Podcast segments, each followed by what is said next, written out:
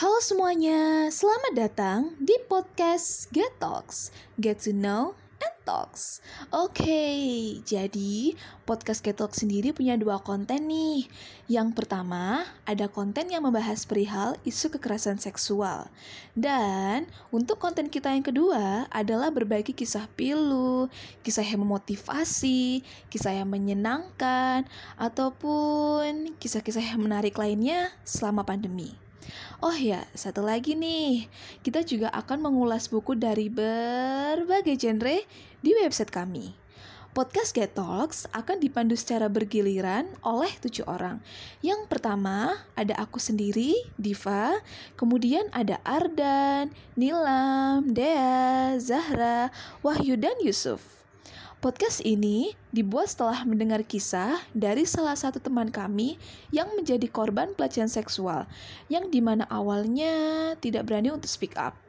Sampai pada akhirnya, ia berani untuk speak up ketika kuliah tamu perihal gender di jurusan kami.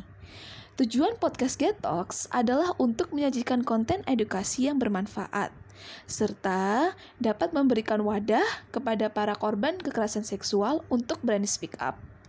Episode podcast Get Talks bakal diupdate secara berkala. So, tungguin episode-episode terbaru dari kita. Selamat datang di Get Talks. Get to know and talks.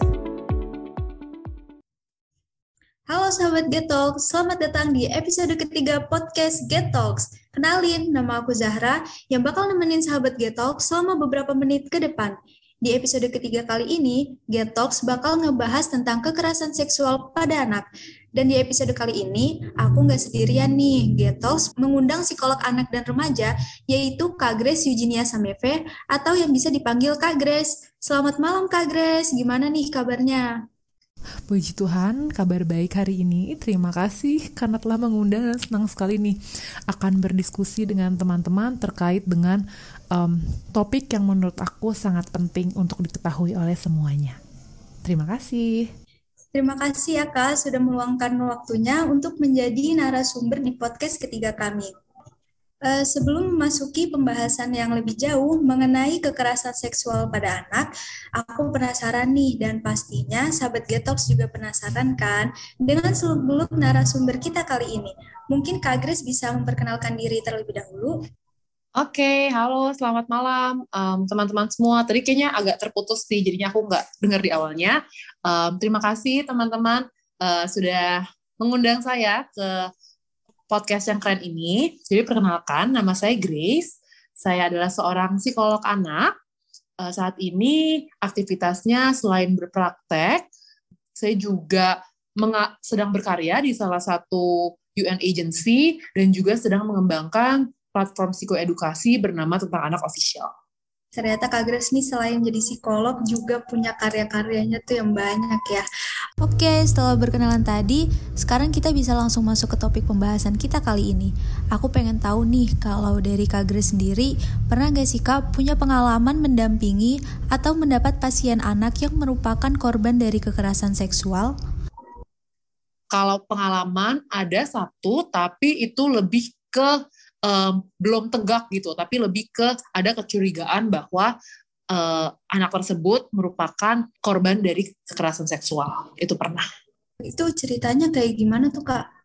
Oke, secara uh, garis besar kurang lebih seperti ini. Jadinya karena anaknya masih sangat kecil dan sebenarnya yang menyadari itu malahan orang terdekat di sekitarnya seperti itu. Dan waktu itu akhirnya salah satu kecurigaan adalah bahwa pernah uh, terjadi pengalaman yang tidak menyenangkan terkait dengan uh, tindakan seksual gitu ya. Nah, tapi karena masalah pandemi dan sebagainya, akhirnya berhenti di tengah sih. Jadi akhirnya sebenarnya belum tahu juga apakah sebenarnya memang uh, benar anak itu pernah menjadi korban kekerasan seksual atau enggak gitu. Oh, jadi tuh kayak masih belum tahu pasti apa sebenarnya si anak ini tuh benar uh, kena kekerasan seksual nggak sih dari orang terdekatnya gitu ya kak? Iya betul, soalnya uh, karena pandemi dan hal yang lain karena juga kan hal ini cukup sensitif gitu ya. Jadinya um, sebelum selesai nih investigasinya istilahnya udah berhenti gitu di tengah jalan. Jadinya memang belum tegak akhirnya solusinya atau konklusinya itu apa. Oh jadi gitu. Uh, ini ya apa ternyata tuh uh, kekerasan seksual tuh nggak cuman ada pada terjadi dari orang-orang yang jauh, bahkan orang terdekat juga bisa uh, jadi pelakunya juga gitu ya kak. Nah, ini nyambung nih sama pertanyaan selanjutnya. Baru-baru ini sedang heboh kasus kekerasan seksual yang terjadi pada anak di bawah umur, tepatnya di Luwu Timur. Dari hal tersebut, gimana sih Kak tips pola asuh yang baik dan benar yang bisa dibagikan kepada orang tua di luar sana agar anak bisa terhindar ataupun bahkan melawan tindakan dari kekerasan seksual? Dan apakah ada pola asuh orang tua yang salah sehingga menyebabkan anak ketika tumbuh menjadi remaja menjadi pelaku dari kekerasan seksual? Oke, iya benar banget nih uh, bahwa terkadang mungkin bukan uh, disengaja juga ya, kadang-kadang tuh kekerasan seksual dan mungkin semua jenis kekerasan gitu ya secara general tuh dilakukan tanpa disadari gitu. Dan memang apalagi pada anak-anak dan remaja biasanya itu adalah orang-orang yang sudah lebih dekat, orang-orang yang dipercaya seperti itu ya. Karena kalau umumnya mungkin kita pikir anak-anak dan remaja tuh kayaknya gampang dibohongin, tapi sebenarnya nggak juga loh. Mereka tuh uh, nggak segitunya gampang dibodohi gitu istilahnya. Jadi memang kenapa uh, sayangnya banyak sekali akhirnya kasus-kasus yang ditemukan malahan uh, perpetratornya atau pelakunya adalah orang yang terdekat gitu. Nah kalau terkait dengan pola asuh, mungkin bukan mungkin menurutku bukan pola asuh yang salah, tapi lebih ke pola asuh yang kurang kali ya. Karena kita tahu nih, terkait dengan seksualitas gitu, kita nggak usah ngomongin kekerasan seksualitas, tapi kita ngomongin seksualitas aja, kayaknya banyak banget nih di luar sana itu yang persepsinya tuh masih salah gitu kan, yang menganggap mungkin uh, mungkin ini juga pengaruh budaya ya, budaya uh, dan lingkungan gitu, bahwa seksualitas adalah sesuatu yang tabu dan mungkin tidak boleh untuk dibicarakan gitu. Jadi kenapa akhirnya uh, dalam pola pengasuhan kebanyakan terutama di Indonesia pengenalan terkait dengan seksualitas itu malahan tidak ada gitu ke anak-anaknya gitu. Dan itu uh, karena keterbatasan itu itulah yang menurutku adalah salah satu faktor yang meningkatkan resiko anak sebenarnya terkena atau menjadi uh, korban dari kekerasan seksual seperti itu. Dan terkait dengan pelaku ya sama juga sebenarnya gitu ya. Uh, terkadang pertama mungkin mereka nggak tahu gitu. Dan yang kedua eh, nggak tahu dalam artian mereka nggak tahu batasan-batasan.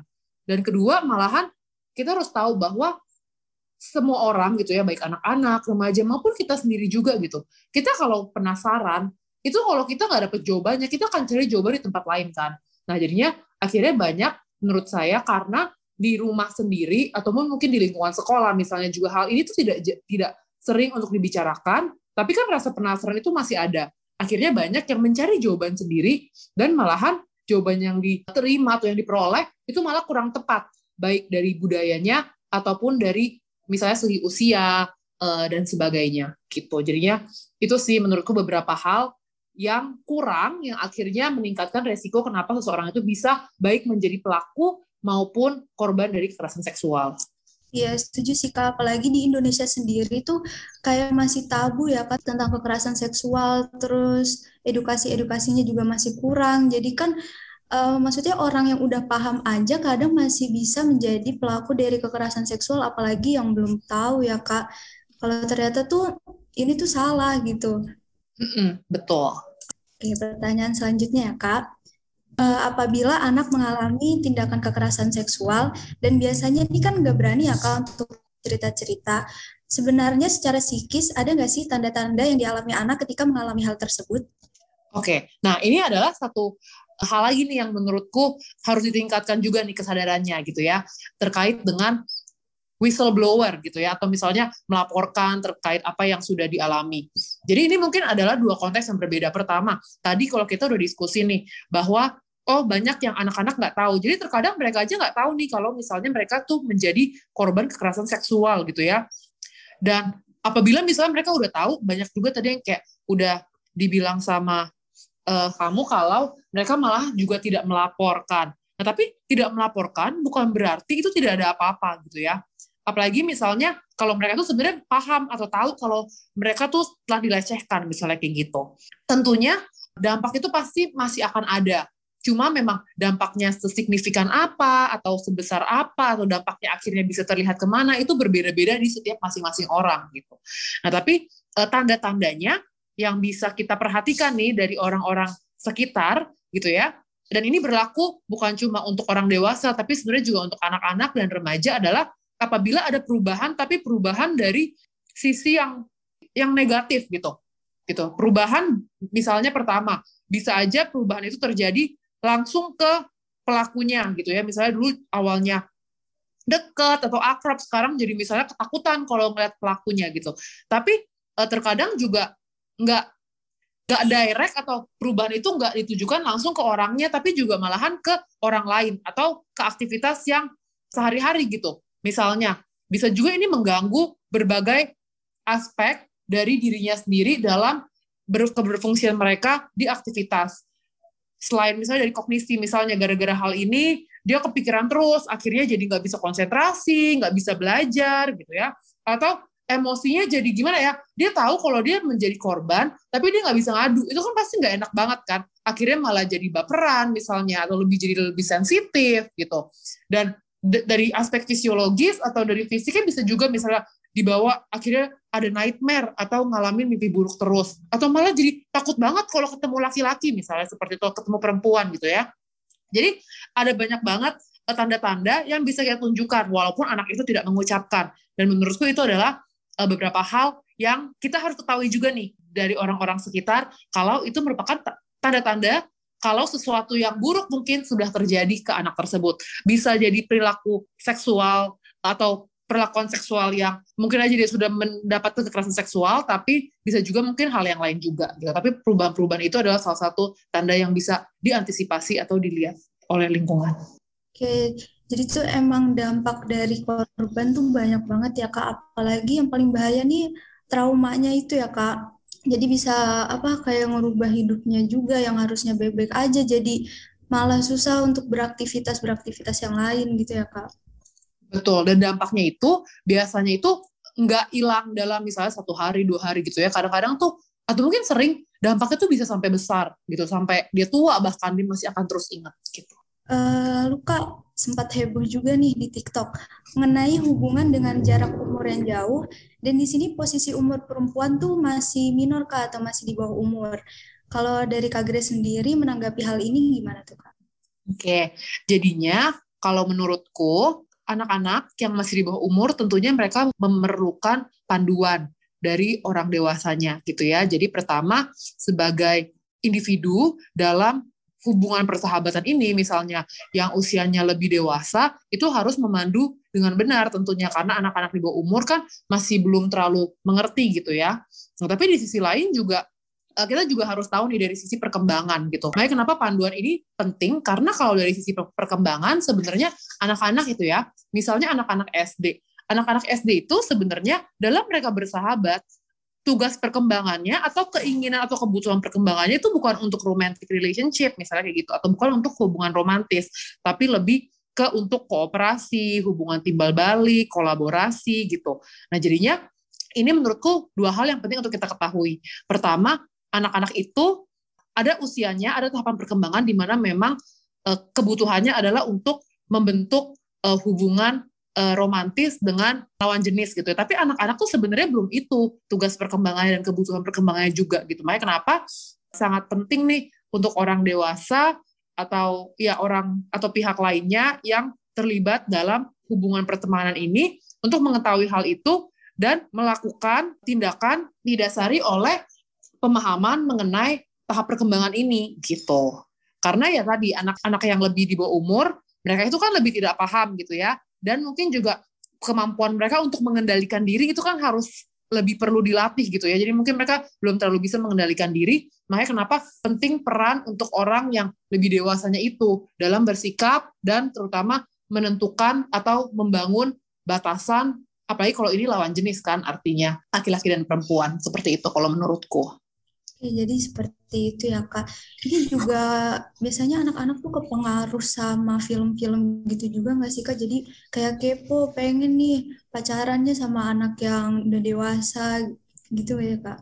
Nah, betul banget. Makanya kenapa sebenarnya hal-hal seperti ini adalah informasi-informasi yang mungkin harus dijelaskan ya kepada anak-anak itu. Karena sebenarnya kayak film itu kan ada nih, ada level-levelnya kan, ada level misalnya di bawah umur 13 tahun tidak boleh nonton, ada yang harus ditonton dengan bimbingan orang tua gitu. Karena itu, karena anak-anak itu sebenarnya kalau secara perkembangan anak-anak sebelum usia remaja itu tujuannya itu mereka itu dalam persahabatan itu bukan untuk mengembangkan uh, hubungan romantis gitu. Tapi di sisi lain, kalau yang mereka tonton itu berbeda, gitu ya, mereka kan pasti nggak akan mikirnya sejauh yang kayak, oh, yang saya tonton kan artisnya udah uh, usianya 20-an, saya masih remaja. Mereka kan pasti tidak berpikir sampai sana gitu. Makanya kenapa bimbingan itu penting dan batasan-batasan itu penting karena tadi kalau kita tidak membicarakan, terutama orang rumah tidak membicarakan, bukan berarti mereka akan akhirnya settle gitu. Mereka akan ya udahlah cuek aja enggak, tapi mereka akan mencari dari informasi yang lain, baik secara sadar atau tidak. Ada salah satunya ya dari exposure-exposure media yang tadi sudah disebutkan gitu, yang terkadang memang eh, banyak sekali tidak sesuai ya, mungkin dengan budaya kita karena kebanyakan um, konten-kontennya itu kan dari luar negeri gitu atau mungkin sekarang di dalam negeri ada juga sekali ya konten-konten yang sudah kayaknya um, agak berbeda gitu budayanya mungkin uh, untuk anak-anak muda terutama terkait dengan hubungan um, romantic relationship antara laki-laki dan perempuan. Oke, jadi sebenarnya kalau misalnya umurnya masih di bawah umur tuh harusnya cuman kayak hubungan persahabatan gitu-gitu aja ya kak. Oke, lalu oh. di Indonesia sendiri juga masih tabu nih mengenai pentingnya mengajarkan sejak dini pendidikan kesehatan reproduksi dan seksualitas pada anak. Mungkin nih Kak Grace bisa kasih tips dan trik lagi gimana sih cara mengajarkan anak mengenai hal tersebut dengan cara yang mudah dipahami? Oke, ya menurutku ini adalah pertanyaan yang penting banget nih. Dan memang sebenarnya pendidikan tentang kesehatan reproduksi dan seksualitas itu bisa dimulai sejak anak tuh masih dini banget gitu. Bahkan usia-usia toddler ya usia-usia balita itu udah bisa. Cuma ya memang informasi yang diberikan pasti harus sesuai dengan usia gitu ya. Jadi pertama menurutku tips bagi orang tua atau orang dewasa adalah pertama coba untuk mengubah persepsi kita dulu nih gitu ya. Karena kan saat ini kita tuh masih e, merasa mungkin ini adalah hal yang tabu kayak porno gitu ya ngomongin hal, seperti ini gitu. Tapi kita harus mengubah mindset bahwa ini kan sebenarnya edukasi, edukasi terhadap um, bagian tubuh yang memang dimiliki oleh seorang anak gitu ya karena malah kita juga tahu kalau misalnya seorang anak lahir tapi tidak memiliki organ reproduksi gitu itu kan juga menjadi masalah tersendiri gitu ya. jadi maksudnya kita harus mentreat ini bagaimana kita akan memperkenalkan kalau ke anak kita kalau kita memiliki dua bola mata gitu ya kalau kita memiliki dua telinga seperti itu jadi menurutku yang pertama adalah harus mengubah mindsetnya dulu nih bahwa kita menjelaskan bukan untuk porno atau bukan untuk apa pun, tapi tujuannya adalah supaya mereka mengenal dan mereka bisa menjaganya. Gitu. Itu yang pertama.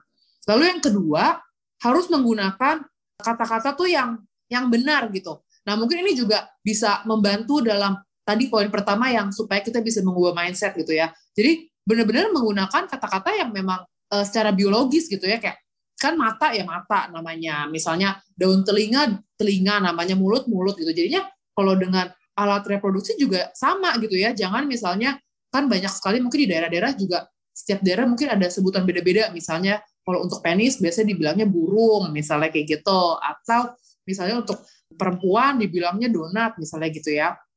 Nah, itu kan sebenarnya memberikan edukasi yang salah. Pertama anak kan jadi bingung, kenapa e, namanya jadi burung gitu kan?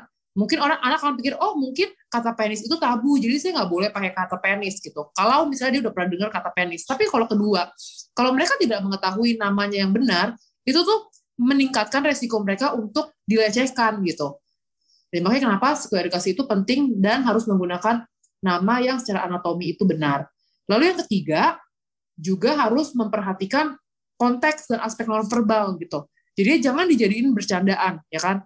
Karena kembali tadi sih ini berkaitan dengan tadi yang mengubah perspektif gitu ya. Jadi jangan kayak kita malah jadi bercandaan, jangan kita ngomong tuh kayak malu-malu, kayak yang tabu-tabu gitu. Tapi ya ajarkan ini selayaknya bagaimana kita mengajarkan anak-anak kita terkait dengan bagian tubuh yang lain gitu. Kalau misalnya sudah sampai masuk remaja, misalnya untuk anak perempuan mau ngomongin tentang haid atau siklus menstruasi. Maksudnya kalau kita tidak mengajarkan, kan bukan berarti anaknya tidak akan menstruasi kan, gitu. Tapi malah kalau kita nggak ngajarin, dia jadi misalnya nggak tahu bagaimana cara membersihkan diri, dia jadi mungkin nggak tahu kalau misalnya kalau sudah menstruasi itu artinya sudah bisa nih untuk reproduksi, sudah bisa untuk hamil.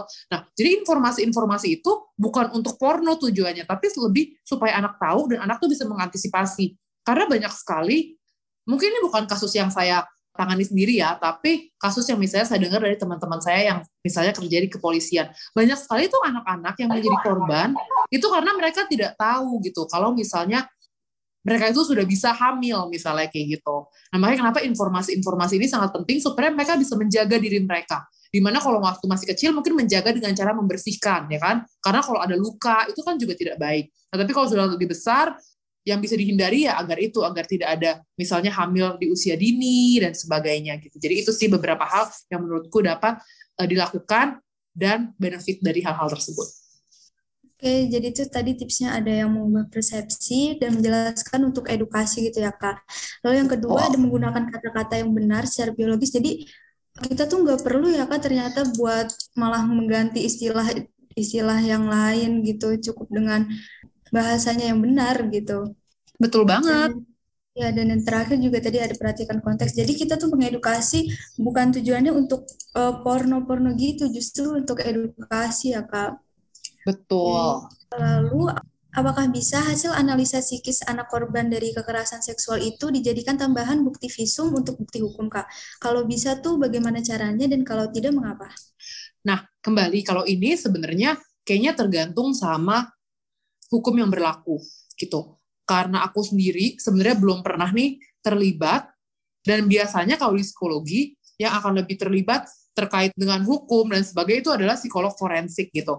Tapi tentunya dari anak-anak yang menjadi korban kekerasan seksual ini tentunya pasti harus didampingi secara psikologisnya gitu ya. Karena selain dari hukum, dia mereka juga harus mendapatkan dukungan psikologis karena tadi kita sudah diskusi dikit mereka bisa ada yang akhirnya merubah berubah perilakunya ada juga bisa menyebabkan trauma jadi hal-hal ini memang harus terus didampingi gitu tapi terkait untuk apakah bisa jadi bukti hukum dan sebagainya itu sebenarnya tergantung dan kayaknya harus lebih nanya ya tuh ke orang yang ahli hukumnya gitu karena agak berbeda juga nih di situasi yang berbeda gitu. Oke, jadi kalau hukum itu tetap tergantung sama hukumnya kayak gimana ya kak. Oke, kita lanjut ke pertanyaan terakhir ya kak Grace. Bagaimana pendapat Kak Grace mengenai orang tua yang masih memiliki pikiran yang konservatif, di mana banyak banget nih kasus menikah menikahkan anak yang bisa dibilang masih di bawah umur dengan alasan lebih mudah lebih mudah, lebih baik, atau bahkan untuk menghindari zina, seperti contoh di Indonesia dan di India.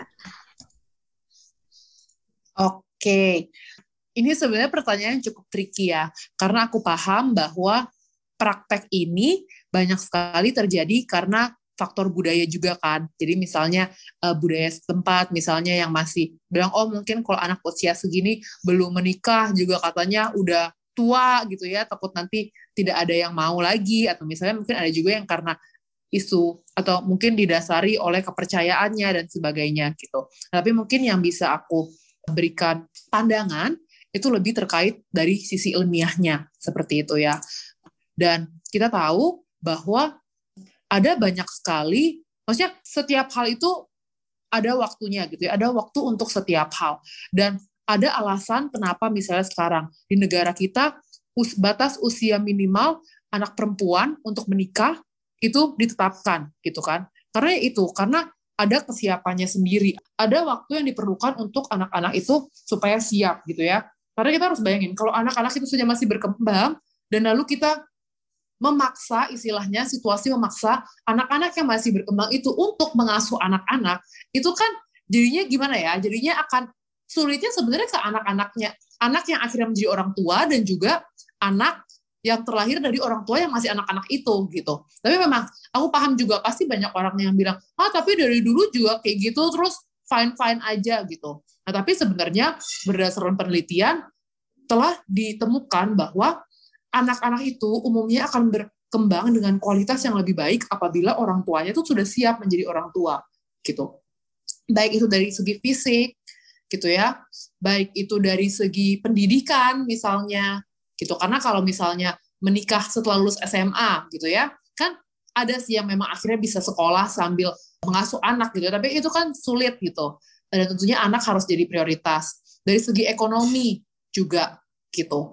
Jadi hal-hal ini adalah sebenarnya alasan dibalik kenapa ditetapkannya atau dianjurkan individu itu baik perempuan atau laki-laki itu boleh menikah di usia tertentu. Kalau nggak salah kalau anak perempuan sekarang 17 atau 18, kalau laki-laki 21 ya kalau nggak salah ya itu karena agar mereka lebih siap gitu. Dan tentunya nanti lebih baik juga untuk anaknya sendiri maupun orang tuanya juga gitu. Jadi kurang lebih itu sih menurutku um, dari segi uh, apa namanya lebih segi ilmiahnya. Walaupun aku paham hal ini pasti banyak sekali nih yang mendebatkan ya karena kan uh, involve juga aspek budaya, aspek kepercayaan, aspek mungkin social pressure juga gitu. Tapi um, sebaiknya kita mengikuti apa yang disarankan karena pasti ada alasan dibalik yang disarankan itu gitu bukan cuma yang kayak ingin menghindari atau ingin menghentikan orang untuk um, menikah atau punya anak kan sebenarnya nggak gitu ya. Karena maksudnya kayak anak-anak atau warga atau rakyat itu kan sebenarnya adalah harta terbesar dari sebuah negara gitu. Tapi kalau misalnya anak-anak itu nanti tidak bertumbuh dengan kualitas yang baik karena yang mengasuhnya juga masih anak-anak itu kan jadinya sayang banget gitu. Jadi kalau itu sih yang menurutku.